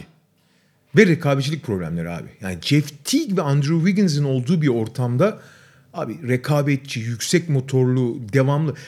Benim hep söylediğim bir laf var ya abi oynamak için oynamakla kazanmak için oynamak farklı şeyler. Bu takımda çok oynamak için oynayan oyuncu hatta oynamaya mecbur olduğu için para kazandığı için oynayan oyuncu var abi. Başta Andrew Wiggins olmak üzere. Şimdi bu yüzden de iyi bir günlerine hava yakaladıkları bir günde hakikaten çok ekstra performanslar gösterebilirler ama bunu 82 maçlık periyotta yaymalarına falan imkan Şöyle bir gün gidip abi şeyi yenip Lakers'ı yenip içeride sonraki gün ertesi gün Atlanta'ya yenilebilirler ve bu hiç şaşırtıcı olmaz yani. Ve bu şekilde de 82 maç gidemezsin abi bir yere kadar gidersin yani. Ve e, ama şöyle bir nokta var. Abi Covington ve Josh Okagi geçen sezon öne çıkan oyuncu. E, tamam hücumda bir sürü problemi olsa da o yırtıcılığı e, takımın havasını değiştirmek istiyorlarsa eğer Andrew Wiggins'i ve Jeff Teague'i ana rol değil niş rollerde kullanmaya başlarsa biraz hava takımın havası değiştirirse başka bir atmosfere girebilirler. Ryan Saunders bunu yapabilir mi? Çok emin değilim ama şu önemli senin işte biraz evvel e, takımın e, kurgulanmasındaki farklılık dışında aynı zamanda Carl Anthony Towns'un etrafında şütörler dışında Carl Anthony Towns'u biraz daha guard gibi topla yaratan yani biraz takımın James Harden'ı gibi kullanmaya çalışacaklar ki bu hem Towns'un devamlılığı ve Towns'un motivasyonu hem de verim açısından çok daha ilginç olabilir. Towns hakikaten efsane bir sezon geçirmeye aday bu konuda yani. Bu arada benchleri de net daha iyi. Yani ha. çaylakları Gerald Culver bu sınıfta izlenesi oyunculardan biri. Ee, işte Jake Layman, Jordan Bell, Noah Vonley gibi sessiz sedasız bu takıma uyan eklemeler yaptılar ama yani hani... Abi Teague ve Wiggins ayrılsa daha iyi olurlar. Yani. Wiggins çok kötü durumda bu arada. O da yani zaten belki geçen sezonki halinden sonra hazırlık döneminde iyi gözükmesi yeterince tatmin edici olmayacaktı ama işin kötüsü hazırlık döneminde de bayağı yerlerde sürünüyor Andrew Wiggins. Ama yani pek çok kişi gibi ben de aynı fikirdeyim. Abi Wiggins basketbolu sevmiyor ya. Sadece yetenekli ve para kazanıyor o yüzden. O mecburen oynuyor yani. Hı hı. Ve Pasifik grubuyla devam edelim. Golden State. Fena bir grup değil bu grup ya. İlginç bir grup. Ee, ya şuradan Phoenix Suns'ı bir çıkarın Allah aşkına. Bir Phoenix Suns'ı çıkarın başka bir takım koyun ve rahatlıkla Pasifik grubu hakkında 5'te 5 falan diyelim. Golden State ile başlayalım. Şimdi e, bu takımın çok dramatik bir değişim yaşadığı malum. E, hatta sezon başı kadrosuna bakarsan Stephen Curry ve Draymond Green etrafındaki hemen herkes değişmiş durumda. Buna rağmen Golden State Warriors'ı işte sezon içerisinde Clay Thompson'ın da dönmesi beklendiği için hala çok ciddi bir tehdit olarak çok e, ciddiye alınması gereken bir takım olarak görenler de hiç az sayıda değil. Ama burada şöyle bir problemden bahsetmek gerekiyor. İki problemden. Birincisi Clay Thompson'ın Şubat'ta dönecek olması onun yani iyi ihtimalle Şubat'ta dönecek olması onun %100'le döneceği anlamına gelmiyor. Clay Thompson'ın çapraz bağ sakatlığından döndüğünü insanlar bazen unutuyor. Yani sanki böyle bir işte Wilson Chandler benzeri doping cezası aldı da dönecek Şubat'ta. Abi Clay Thompson döndüğünde Şubat'ta bile dönse hangi seviyede dönecek? Ki Şubat'ın da sonlarında falan dönebilir en fazla. İkincisi Ee, evet bu takım daha önce de Kevin Durant'siz başarılı oldu. Şampiyon oldu. Ertesi sezonda normal sezon rekorunu kırarak şampiyonluğa gidiyorlardı. Kendi ellerindeki şampiyonluğu verdiler belki. Ama o takımla bu takımın Stephen Curry ve Draymond Green haricinde bir benzerliği kalmadı. Bir kere o takımın en önemli karakterlerinden biri, en önemli onları e, özel kılan şeylerden biri kadro derinliğiydi. Mo- abi mottoları strength in numbers'dı yani. Aynen öyle. E, Bu takımda öyle bir şey yok. Yani hangi numbers'a bakıyorum şimdi. Alfonso McKinney, Eric Pascal. Yani iyi bir oyuncu olabilir belki ama bir çaylak. Alec Burks işte e, Marcus sezona e, koltuk değnekleriyle başlayan Willie Cauley-Stein. Ve başkalarının vazgeçtiği Jordan oyuncular. Poole. Çaylak yine. Korkunç abi. Korkunç. Yani kadro derinliği falan facia. Ee, Stephen Curry'nin üzerindeki yük. Bir de şimdi D'Angelo Russell geldi evet. Ama takımda skorer diyebileceğin yani 10 sayının üzerine çıktığı zaman şaşır yani iyi oynadı demeyeceğin e, iki oyuncu var. D'Angelo Russell'la Stephen Curry. Üstüne üstlük birbirine çok benzer oyuncular bir de bunlar. Birbirini tamamlayan değil birbirine çok benzer oyuncular. İkisi de teması çok sevmeyen, şutunu ve e, topla yaratıcılığı üzerinden oynayan, kaçarak toptan yani rakipten sıyrılarak olan oynayan oyuncular. Abi fiziksel olarak bir fiziksellik ortaya koymak çok zor. Bu takım bir mucize eseri Kevin Looney'i tutmamış olsa zaten durumu bence çok daha kötü. Kevin Looney en azından hani e, bu ikili oyunları bitirebilecek bir oyuncu olarak pota altında en azından bir e, savunma kurgusuna yardım edecek bir oyuncu olarak bir şeyler katacak ama takımın yedekleri korkunç. Yani normal sezonun takım derinliğinden bahsediyoruz. Bir, herkesin unuttuğu bir başka bir şey var. Abi bu takım 5 senedir final oynadığı için normal sezonu artık iyiden iyiye lay lay lay lay lay diye oynuyordu. O kadar yeteneklilerdi ki yetenek sayesinde kazanıyorlardı çoğu maçı.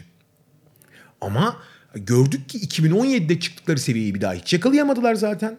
O 2017 playofflarında. 2018 playofflarını tamamen e, güle oynaya geçtiler ve şampiyonluğu ucu ucuna yakaladılar. Yani Houston elinden zor kurtuldular. Geçen sene sakatlıklar onların başına bela oldu ama gene yetenek sayesinde. Abi şimdi öyle bir yetenek farkı yaratmıyorlar.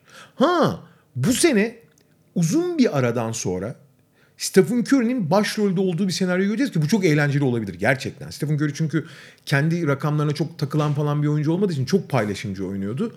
Bu sene NBA üçlük rekorunu kırabilir yani tekrar kendine ait rekoru. Maç başına 12-13 hatta 15 üçlük denediğini görebiliriz ve inanılmaz şeyler yapabilir yani. Bu çok eğlenceli olacak orası kesin. Ama bu takımın devamlılığı, Stephen Curry'nin üzerindeki ki yükü düşünürsen, takımın savunma, yani Draymond Green'in geçen sezon son 2 ayda oynadığı basketbolu 8 ay oynamasını bekleyeceksin. Tam ona değinecektim. Draymond Green'in geçen sezon yaptığı bir şey vardı biliyorsun. Yani e, 5 ay yatıp ciddi anlamda fazla kiloları varken playoff'a doğru çok sıkı bir diyete girip o kiloları verip sonra da dediğin gibi iki ay turboya taktı. Çok da iyi oynadı tamam. muhteşem oynadı. Ne oldu yazın? Kontrat aldı. Kontrat aldı. Bana kim garanti ediyor Draymond Green'in yaymayacağını şimdi? Yayma, yaymayabilir tamam mı? Hayır ya Ama ben ben de yayacak demiyorum. Yaymayabilir. Draymond Green bir de rekabetçi bir karakter ama şimdi geçen sezon ortada profesyonellikten çok uzak bir Tabii. şey var. Tablo var. tutum var. Abi şöyle ne kadar iyi niyetli olursa olsun zaten son 2 aydaki performansını 6 ay yapamazsın abi. İnsan vücut kaldırmaz onu ya. Sakatlanır öyle bir durumda zaten. Tabii. Ben o yüzden e, artı bu takım o playoff temposunu yani 6 ay lay lay lom oynayıp sonra işi sıkma şeyine çok alışmıştı. Oradan çıkmaları da çok kolay. Stephen Curry'nin ben müthiş bir sezon geçireceğini düşünüyorum geçirmesini ama bu yetmeyecek abi bence. D'Angelo Russell çünkü Stephen Curry'nin yanında tam etkin olamayacaktı. Zaten onların dakikalarını ayırmayı düşündüğünü söyledi şimdiden Steve Kerr ama e, şey de değil zaten. Yani öyle çok taşıyıcı bir oyuncu rolünde de yani Stephen Curry'nin yaptıklarını yapamaz. Onun B, B modeli gibi. Ee, çok zorlanacaklar. Yine fena olmayacaklardır ama ben playoff'a girme yani playoff yarışında olacaklar ama girememe ihtimallerini görüyorum gayet net. Takım derinliği zaten ligin en sığ takımı olabilir. Evet. Eğer Jordan Poole'dan işte Eric Pascal'dan çok e, acayip şeyler çıkmazsa. Yazın en az iki yıldız sözünü tutan bir başkana ve bir kulübe geçiyoruz. Los Angeles Clippers, Kawhi Leonard ve Paul George aynı uçakta. Yani aynı uçakta geldiler. Hatta yolda Ka- Kawhi Leonard aldı onu. Burada da artık sıra taraftarda yani. New Orleans için söylediklerimizi onlar için de söyleyebiliriz. Artık kombine 1, e, forma 2 alınacak lisanslı ürün. E, ya sezon başı gördüğüm kadarıyla büyük çoğunluğun bir numaralı adayı. E, şöyle bir şey var bunu galiba geçen programda da konuşmuştuk. Bu sezonu zaten özel kılan ve daha çekici kılan e, Golden State'in geç, geçtiğimiz sezonlarda olduğu gibi diğerlerinden net ayrılan bir takımın olmaması. Clippers'ta bir numaralı, genelin bir numaralı favorisi olabilir ama e, diğerlerinden çok ayrılan bir takım değil. Bir kere her şampiyonluk adayının net bir zayıflığı var. Bizim de takımlarda değinmeye çalıştığımız gibi.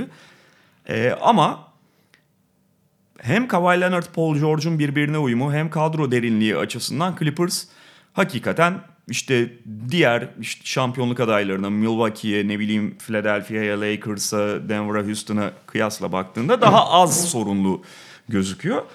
Ee, Leonard'ın, George'un bireysel özelliklerinden, yeteneklerinden bahsetmeye gerek yok. Burada ben pası sana onlarla ilgili o işte sorunlardan bahseder. En azından kağıt üzerindeki sorunlardan bahsederek atayım. Ee, birincisi Paul George'un omuz sakatlığı. Yazın iki omuzdan da operasyon geçirmiş olması beraberinde belli bir e, sıkıntı getiriyor. Ve sezonun en az ilk 10 maçında oynayamayacak. İkincisi bütün bu transfer harekatının ve başarılı geçen yaz döneminin biraz kamufle ettiği bir şey var. Bu takımın pota altı yeterli değil. Özellikle yani e, belli eşleşmelerde eğer sezon içi bir takviye olmazsa onların e, zayıf karnı pota altı. Bu takımdaki ilgili bence tek soru işareti bu kanatların ne kadar sağlıklı oldu. Çünkü biliyorsun çok bahsedilmiyor ama Kawhi Leonard da bir önceki sezonu tamamen kaçırdı. Geçen sezon 23 maç oynatılmadı dinlensin ve playoff'un sonunda ayaklarını sürüye sürüye oynuyordu. Hı hı. O kas yani e, baldırdaki kas sakat rahatsızlıkları devam ediyordu yani. Hani sağlıklı değil Kawhi Leonard ve bunun ne kadar etkileyeceği belli. E, omuz dediğin şey dünyanın en belalı bölgesi. Tam bir tedavisi yok. Nasıl tedaviye cevap vereceği belli değil. Ama eğer bu yapı sağlıklı kalırsa abi oyunda en büyük farkı topla oynayan kanatlar yaratıyor artık. Abi bu oyuncular bunun en iyi örnekleri olduğu gibi aynı zamanda bu pozisyonun en iyi savunmacıları belki de tüm ligdeki. Rakibin kanatlarını pelç edip kendileri inanılmaz şey yaratıyor. Ondan sonra tabii ki pot altı savunmanın direği aynı zamanda ve önemli. Önemsiz demiyorum. Ama bu kanatlarda yakalayacağın üstünlükle pot altındaki zayıflığı fazla fazla kompanse edebilirsin. Bir. İkincisi üst düzey takımların bir uyumdan, bir ahenkten bir şeyler üretmesi beklenir. Ve bu her zaman bir soru işareti ne kadar yapılacak. Bu takımın en büyük avantajı böyle bir şeye ihtiyaçları yok abi. Bölük pörçük oynayacaklar. Lou Williams, Monrezl Harrell bir şey oynayacak. Kawhi zaten kendi kendine başka bir şey oynuyor. Paul George da kendi kendine başka bir şey oynayabilecek. Böylece takımın sezon içinde Kavay'ın 50-60 maç oynayacağını tahmin ediyoruz. Keza Paul George da öyle. Fakat playoff'a geldikleri zaman bir ritim yakalamış olmalarına falan gerek kalmayacak. Normal sonunda çok zorlanacakları kesin. O yüzden zaten Utah ve Denver'ı Batı birincisi ilan ediyoruz ama ya Batı birinciliği için aday gösteriyoruz ama Clippers'ı göstermiyoruz ama Clippers'ı da şampiyonluk için bir numaralı aday diyoruz. Çünkü oraya geldiklerinde hazır olmaları ve sağlıklı olmaları önemli. Ve bunu yapabilecek fazla fazla malzemeler. Abi şöyle düşünsene ya. Patrick Beverly, Kawhi Leonard, Paul George gibi 3 tane savunmacı var. Abi top iki tane top yaptırmazsın rakibe ya. Doğru. Yani birçok takıma karşı da o yeterince boğucu bir şey. Ya beni tek şey düşündürüyor mesela. Bu da az sayıda senaryoda, az sayıda ihtimalde ortaya çıkıyor belki ama e, ya bak Clippers net daha iyi bir normal sezon takımı. Bütüne baktığında da şu anda daha iyi bir takım ama şu andaki halleriyle Clippers Lakers eşleşse şu andaki halleriyle derken hani belli bir adaptasyonun falan da e, geçirildiğini düşün. E, o Anthony Davis savunması ne olacak Clippers'ta işte? Hmm. Ama işte tabii ki şu da var. Yani kaç tane takımın zaten Kavaya Anthony Davis'i var? Kaç tane takımın Yannis Antetokounmpo'su var? O, o işin ayrı bir yönü. Kavaya eşleşecek abi. Kavay Yanis'le nasıl eşleştiysem ona da eşleşecek yani. Ee, ama Anthony Davis Yanis gibi oynamıyor ve yani ne Elinden geleni yapacak işte. Sacramento Kings devam değil edelim. mi abi? Lakers. Los Angeles'ın diğer şehrine geçmeyelim. Yok geçen seneki şeyle bir arayı e, soğutalım. Tamam. geçen seneki sıralamadan devam ediyorum. Kitapçıyımdır ben. Sacramento Kings e, belki işte Kawhi Leonard ne bileyim LeBron James falan tipi yıldızlara en azından şu anki durumlarıyla oyuncularını sahip değil ama e, belli genç yetenekleri var ve acayip geniş bir kadrosu var onların da. Sessiz sedasız çok geniş bir kadro oluşturdular. De'Aaron Fox'un, Buddy Hield'ın, e, işte Marvin Bagley'nin hatta Bogdanovic'in etrafında baksana yedeklere yani. Corey Joseph, Trevor Ariza, e, Rashawn Holmes, Nemanja Bjelica ilk 5'e Deadman'ı aldılar. Hatta hatta Harry Giles falan geliyor.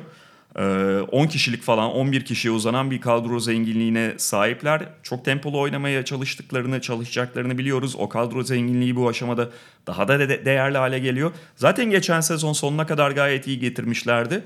Ve basamağı atlamak için gayet e, önemli bir aday Sacramento Kings. Biraz sabırsız mı davrandılar? Herkesin sorduğu soru. Yani takım çok iyi bir çekirdek yakaladı, çok iyi bir hava yakaladı. Ee, bunların bir yıl daha olgunlaşmasını bekleyip transfer yapmak yerine onlar yan parçalarla takımı doldurmaya. Harrison Barnes da bir yan parça çünkü. Ki Harrison Barnes'ı almak demek e, bir sürü soruna davet çıkarıyor. Çünkü Harrison Barnes seni tabanını yukarı çeker ama tabanını da aşağı çeken oyunculardan biri. Ama Sacramento baktı ligin en uzun süredir playoff'a kalamayan, kalamayan takımı artık playoff yapmak istiyorlar ve asıl yıldızlarının eldeki işte Marvin Bagley, e, Darren Fox ve Buddy Hield olduğunu, Harrison Barnes'ın bunları tamamlayacak parça olabileceğini, Kizar Corey Joseph ve Dwayne Dedman'ın da olduğunu söylüyorlar. Ki bunlar eğer tamamlayıcı parça ol- olacaksa ne hala ama Harrison Barnes'a ana parça gibi para verdiğin zaman iş biraz değişiyor. Artı seni biraz da sınırlıyor. Onların yatırımı Marvin Bagley, ya Buddy Hield artık bir yere geldi zaten. Daha yukarı gitmesi çok kolay değil ama Darren Fox'la Marvin Bagley'nin yıldız ve süper yıldız sınıfına çıkacağını varsayımıyla yola çıkıyorlar. Ve bu iyi bir varsayım abi. Ben Darren Fox'un gerçekten süperstar potansiyeli olduğuna yani NBA'nin en iyi 3-4 kısasından biri olabileceğine inanıyorum. Yalnız geçen sene onları başarıya götüren çok yüksek tempo aynı zamanda çok yıpratıcı oluyor. Ki sezon ortasında bir ayak bileği burkuldu Darren Fox'un. O bölümde bir bocaladılar. Fox da çok bocaladı. Ondan sonra bir daha toparlayamadılar ve çok yoruldular sezon sonunda. Çok yorgun geldiğinde paramparça oldular sezon sonunda. Ha daha geniş bir kadroları var. Ee, biraz daha kullanabilirler falan ama o tempoyu tempo bir kere rakipleri şaşırtmayacak. Tempoyu bekliyor olacak rakipleri. Yani o şey olmayacaklar. şey- e, sürpriz olmayacak onlara. Ama Sacramento yine playoff yarışında olacak ama oraya girip girmeyecekleri işte Bagley ve özellikle Fox'un ne kadar ileri adım attığıyla alakalı olacak. Yine de ben e, çok geçen seneden daha komple bir takım oldukları kesin ama geçen seneden da, Batı da daha zor artık. Bir de onlara hayda nereden çıktı bu dedirten bir problemle şu anda Evet. boğuşmaktalar. Hield. Ee, Buddy Hield enteresan biçimde agresifleşti bir de Aynen. konuyla alakalı. Yani kontrat beklentisini anlayabilirim ama en son dün bir demeç verdi ve pazar gününe deadline koydu. Ve yani şimdi Pazar günü o kontrat gelmezse ben bu takımdan nihayetinde sonraki dönemde ayrılacağım dedi. Ve yani kullandığı kelimeler ve kullanma dili o kadar şey ki agresif ki bunun tansiyon yaratmamasına imkan yok. Şey dedi ya söyledi ya maksimum kontrat için verdikleri 4 yıl için 80 verdiler. Ya, yılda 90 mı verdiler öyle bir şey. Ben maksimum kontrat istiyorum. Bakın ya gazetecilere diyor. Gazeteciler bakın son 10 yılda Sacramento'ya maksimum kontratla kim gelmiş ki ya falan. de hani bir taraftan Sacramento'yu küçümseyen bir taraftan böyle acayip e, bıçkınlık tavırlarda bulunan falan bayağı tatsız demeçler yani. Şey demeye getirdi resmen. Ulan zaten transfer piyasası hani free, free agent olarak bunları alamayacaksınız. Bana vereceksiniz siz o parayı demeye getirdi resmen. Benim gibisini zor bulursunuz falan Evet, getirdi ki hani zaten amacı ve söylemi belli ama bu, bu seçtiği kelimeler falan bayağı rahatsız edici oluyor yani. Ya Buddy Hield hani çok iyi bir şutör. Ee, bu takıma oturdu falan o ayrı konu ama arkasında Bogdanovic oynuyorken bence dikkatli olsun. Ki Bogdanovic'e de extension e, teklif, Teklif ediyorlar şu anda. Ona Onu da ucuza teklif- kapatmaya çalışıyorlar. Ona 4 yıl 80 verdiler doğru. Ee, Buddy Hield'a galiba Hayır hayır 4 yıl 80 vermiyorlar Bogdanovic'e. Bogdan onu istiyor onlar 60 falan Ha, veriyor galiba. şey. Ama Buddy Hield'ın işte dikkatli olması lazım. Yani hele genel menajerim hangi ülkeden olduğunu falan da şöyle bir sakin kafayla göz önüne alıp çok dikkatli davranması artı lazım. maç sonunda Bogdan Bogdanovic çok önemli faktör. Kesin. Maç sonu 5'lerinde her zaman var zaten ilk 5'te olmasa da e, Sacramento iyi olacak ama abi o kadar ince bir çizgide ilerliyorlar ki o tempoda bir sakatlık, bir formsuzluk, bir işte takım içi tatsızlık falan dersen e, takımı taşıyabilecek yetenek yani sırtını dayayabileceğin şeyler az. Takımın verimli oynamak, takım üst devirde oynamak zorunda. Hele ki böyle bir batıda. Tekrar Los Angeles'a dönüyoruz. Lakers'la devam ediyoruz. Ee, Lakers'ta geçen sezonun ortalarında başladığı Rich Paul, LeBron James önderliğinde Clutch Sports'un başladığı e, Anthony Davis'i kaçırma operasyonunu nihayete erdirdi. Kendilerine olanak sağlayan belli gelişmeler de yaşandı. İşte Boston Celtics'in içten çöküşü, e, bir numaranın New York'a falan değil direkt New Orleans'a gitmesi, kendilerinin de dördüncü sırayı alması falan filan. Ve Anthony Davis'i kadrolarına katmışlardı. Ee, zaten biz geçen sezonun sonunda onun için podcast yapmış ve değerlendirmiştik. Kawhi Leonard'ı da yanlarına getirmeyi 3 yıldız bir araya getirmeyi amaçladılar. Leonard'ı beklerken tabii ciddi anlamda vakit kaybettiler ve Leonard Clippers kararını açıkladıktan sonra ortada çok fazla oyuncu kalmamıştı. Hemen işte Danny Green, e, DeMarcus Cousins gibi bulabildiklerine saldırdılar. Bence çok da fena iş yapmıyorlardı o şartlar dahilinde. Yapmadılar yani öyle söyleyelim. Quinn Cook, e, tekrar imzalanan Kentavius Caldwell Pope, Jared Dudley vesaire. Burada bir ağır yara aldılar. O da DeMarcus Cousins'ın şeyi. E, Çapraz bağ. daha sezon başlamadan çapraz bağ sakatlığıyla sezonu kapatması. Şu yüzden şimdi DeMarcus Cousins'ı kalıp işte normal sezonda Davis'i 4 numara oynatma lüksünü sağlama ya da işte 5 numaralarla eşleşme, rebound falan gibi konularda Dwight Howard, JaVale McGee falan da kapatabilir. Ben o konuda çok da problem olduğunu düşünmüyorum. Ama Lakers'ın şöyle bir problemi var. LeBron James ve Anthony Davis üzerinde insanlar odaklanmışken bunu biraz kaçırıyorlar gibi. Bu oyuncuların e, ikisinin birden sürekli oynamayacağını biliyoruz. Belli ölçüde ikisi de 10-15'er maç falan kaçıracaktır. Ve bunlardan ikisinden en azından biri sahada değilken sayıyı kim üretecek o bence ciddi bir problem Lakers için. İşte Kuzma'ya bir o konuda biraz güveniyorlar. Yani Kuzma skorer e, olmayı seviyor topla oynamayı. E, İşte e, Rondo onları yönetir falan diyorlar. İşte Avery Bradley falan ama evet olacak. e, Yani Cousins en çok ona şey e, çare olacaktı. Ee, ya Kawhi Leonard'ı beklerken hakikaten büyük bir fırsat kaçırdılar demeyelim ama kendi ellerini biraz bağlamak zorunda kaldılar.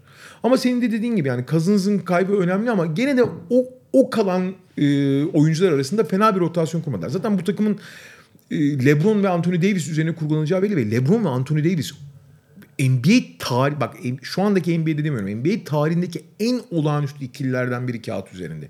Birbirini bu kadar iyi tamamlayan, bu kadar üst düzeyde iki yeteneği çok çok çok çok çok nadir görürsün yani. Hani prime zamanındaki Magic Johnson, Karim Abdul-Jabbar belki dersin. Daha bile önde olabilirler. Ee, biraz pozisyon paylaşma sıkıntısı olacak. İşte Kuzma, LeBron, e, Davis sağdayken Davis 5, Kuzma 4, LeBron 1 gibi oynayacak belki 3 gibi oynayacak.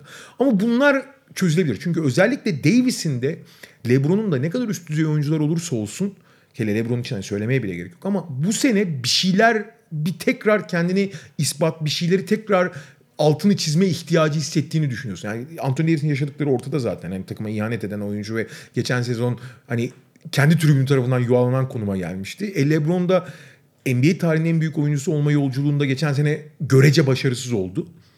Ee, bu iki oyuncu sağlıklı kaldığı sürece ki e, Davis'in öyle bir soru işareti hep oluyor. Yani NBA tarihinin en fazla soyunma odasına giden oyuncusu ünvanını şimdiden aldı. Daha kariyerinin başında aldı yani. Sezon başlarken de bir parmak korkusu yaşadı yine. Abi adamın sırtı kaşınıyor soyunma odasına gidiyor ya. Herkes abi ne oldu bu adama diyor yani. Neyse e, ama yani gerçekten e, hazırlık döneminde ufak belki sekanslar gördük çok az da olsa ama abi LeBron'la Davis'in verimli bir ikili olarak yapabilecekleri akıl almaz seviyede yani. Akıl Zaten eğer belli bir kurgu oturtursan ki LeBron tek başına bir kurgu zaten. Yani etrafına 5 random oyuncu ver zaten bir yere kadar getiriyor takımı. Fakat fark yaratmak dediğin zaman LeBron Anthony Davis'in yaratabileceği farkın gerçekten sınırı yok neredeyse yani. Ve şu da var. Geçen sene Rob Pelinka Magic Johnson ikilisi e, ya özel bir hıyarlıkla LeBron James'in etrafına ne şutörü oyun kurucu koymak lazım. Golden State'i Golden State'in oyunuyla yenemezsin gibi saçma sapan bir mantığın sonucunda takımın şut zaafını tamamen göz ardı edip garip garip Rondolar, Mondolar, Lance Stevenson'lar almışlardı. E, bu sene Magic Johnson yok zaten orada. Rob Pelinka aklı başında bir hareket, bir strateji izleyerek e, bol bol şütör doldurdu Bu arada etrafına. dikkat, dikkat çekeyim Troy Daniels inanılmaz bir şutör. abi. Tabii ama işte o da başka şeyleri çok az yapabildiği için belki rotasyonda ama geride kalır ama Danny Green'in zaten oyunun iki yönünü oynayabildiğini biliyoruz. Ee, eğer geçen sezonki o playoff düşüşünü atlatabilirse çok değerli.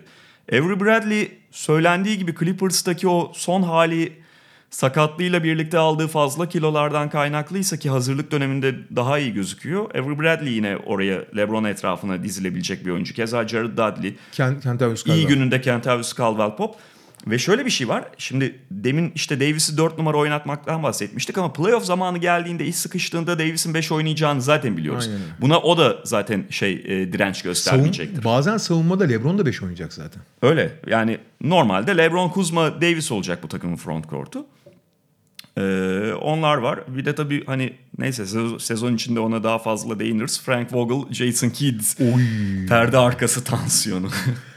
Abi belki de en büyük kriz noktası o olabilir. Yani Jason Kidd'in nasıl bir güç manyağı olduğunu, nasıl bir dalavereci olduğunu biliyoruz. Frank Vogel'ın altını kuyusunu kazmaya çalışacaktır ki en ufak bir krizde LeBron'un da bazen çok tuhaf reaksiyonları olabiliyor. Ama böyle bir dengede giriliyor. Ee, Ve sonuçta orada asıl patron zaten LeBron. Ee, Kid geri gelir LeBron'u bile şey yapmaya çalışır ama genelde onu müttefik olarak almaya çalışacaktır. İlginç şeyler bizi bekliyor ama orada patron LeBron olduğu için bunun takıma sirayetinin çok yüksek olacağını düşünmüyorum ben. Bu Vogel'ın işsiz kalma ihtimali yüksek olsa da. Kısaca Phoenix Suns'ı konuşarak bu bölümü noktalayalım. Ee, Phoenix Suns'ı da zaten kısaca konuşmak gerekiyor. Ee, Devin Booker ve DeAndre Ayton ilk bakışta yani gayet işte yetenekli, e, geliştirilebilir ve sizin önünüzdeki 10 yılı kapatabilecek tipte bir ikili. Biri uzun, biri kısa, iyi skorerler. E, Ayton'un fiziksel özellikleri vesaire. Ricky Rubio'yu yanlarına aldılar. Ricky Rubio e, özellikle bu takım içerisinde ve Ayton Booker'a servis yapma konusunda çok anlamı olan bir oyuncu. Ee, Hatta hatta Kelly Oubre de potansiyelli bir 3 numara. O da aradaki tutkalı oyuncu olabilir. Fakat yani bütüne baktığında bu transfer harekatını ve geçmişte yapılanları falan değerlendirdiğinde, yaptıkları koç transferini düşündüğünde, draftta seçtikleri Cameron Johnson'ı seçildiği sırayla falan e, kıyasladığında, değerlendirdiğinde e, takımdaki o abukluk hali devam ediyor. Abi genel me takım sahibinin genel menajerin odasına keçi bağlayıp keçilere keçilerin dışkılarının yerlere saçıldığı bir kulüpten bahsediyoruz yani. Bu gerçek bu arada. Gerçek hikaye yani. Ve takımın durumunu da anlatıyor. Son 10 yılını işte Josh Jackson'lar draft seçimleri, o draftları nasıl kullandıkları, sonra o draftlardan karşında hiçbir şey almadan işte TJ Warren'ın falan nasıl gittiğini falan bakarsak e, NBA'de e, sahip olması zor bir ünvana ve ligin en kötü yönetilen takım ünvanına sahip oldular yani. Ama DeAndre Ayton ve Devin Booker bütün potansiyel hemen çok kötü savunmacılar. Bu ligin en kötü savunma takımı bu. Tek artı nokta senin bahsettiğin Ricky Rubio bir süre eksiğine rağmen diğer 29 takım için belki de tercih edecek bir oyuncu değilken bu, bu takım için belki de en ideal oyunculardan biri.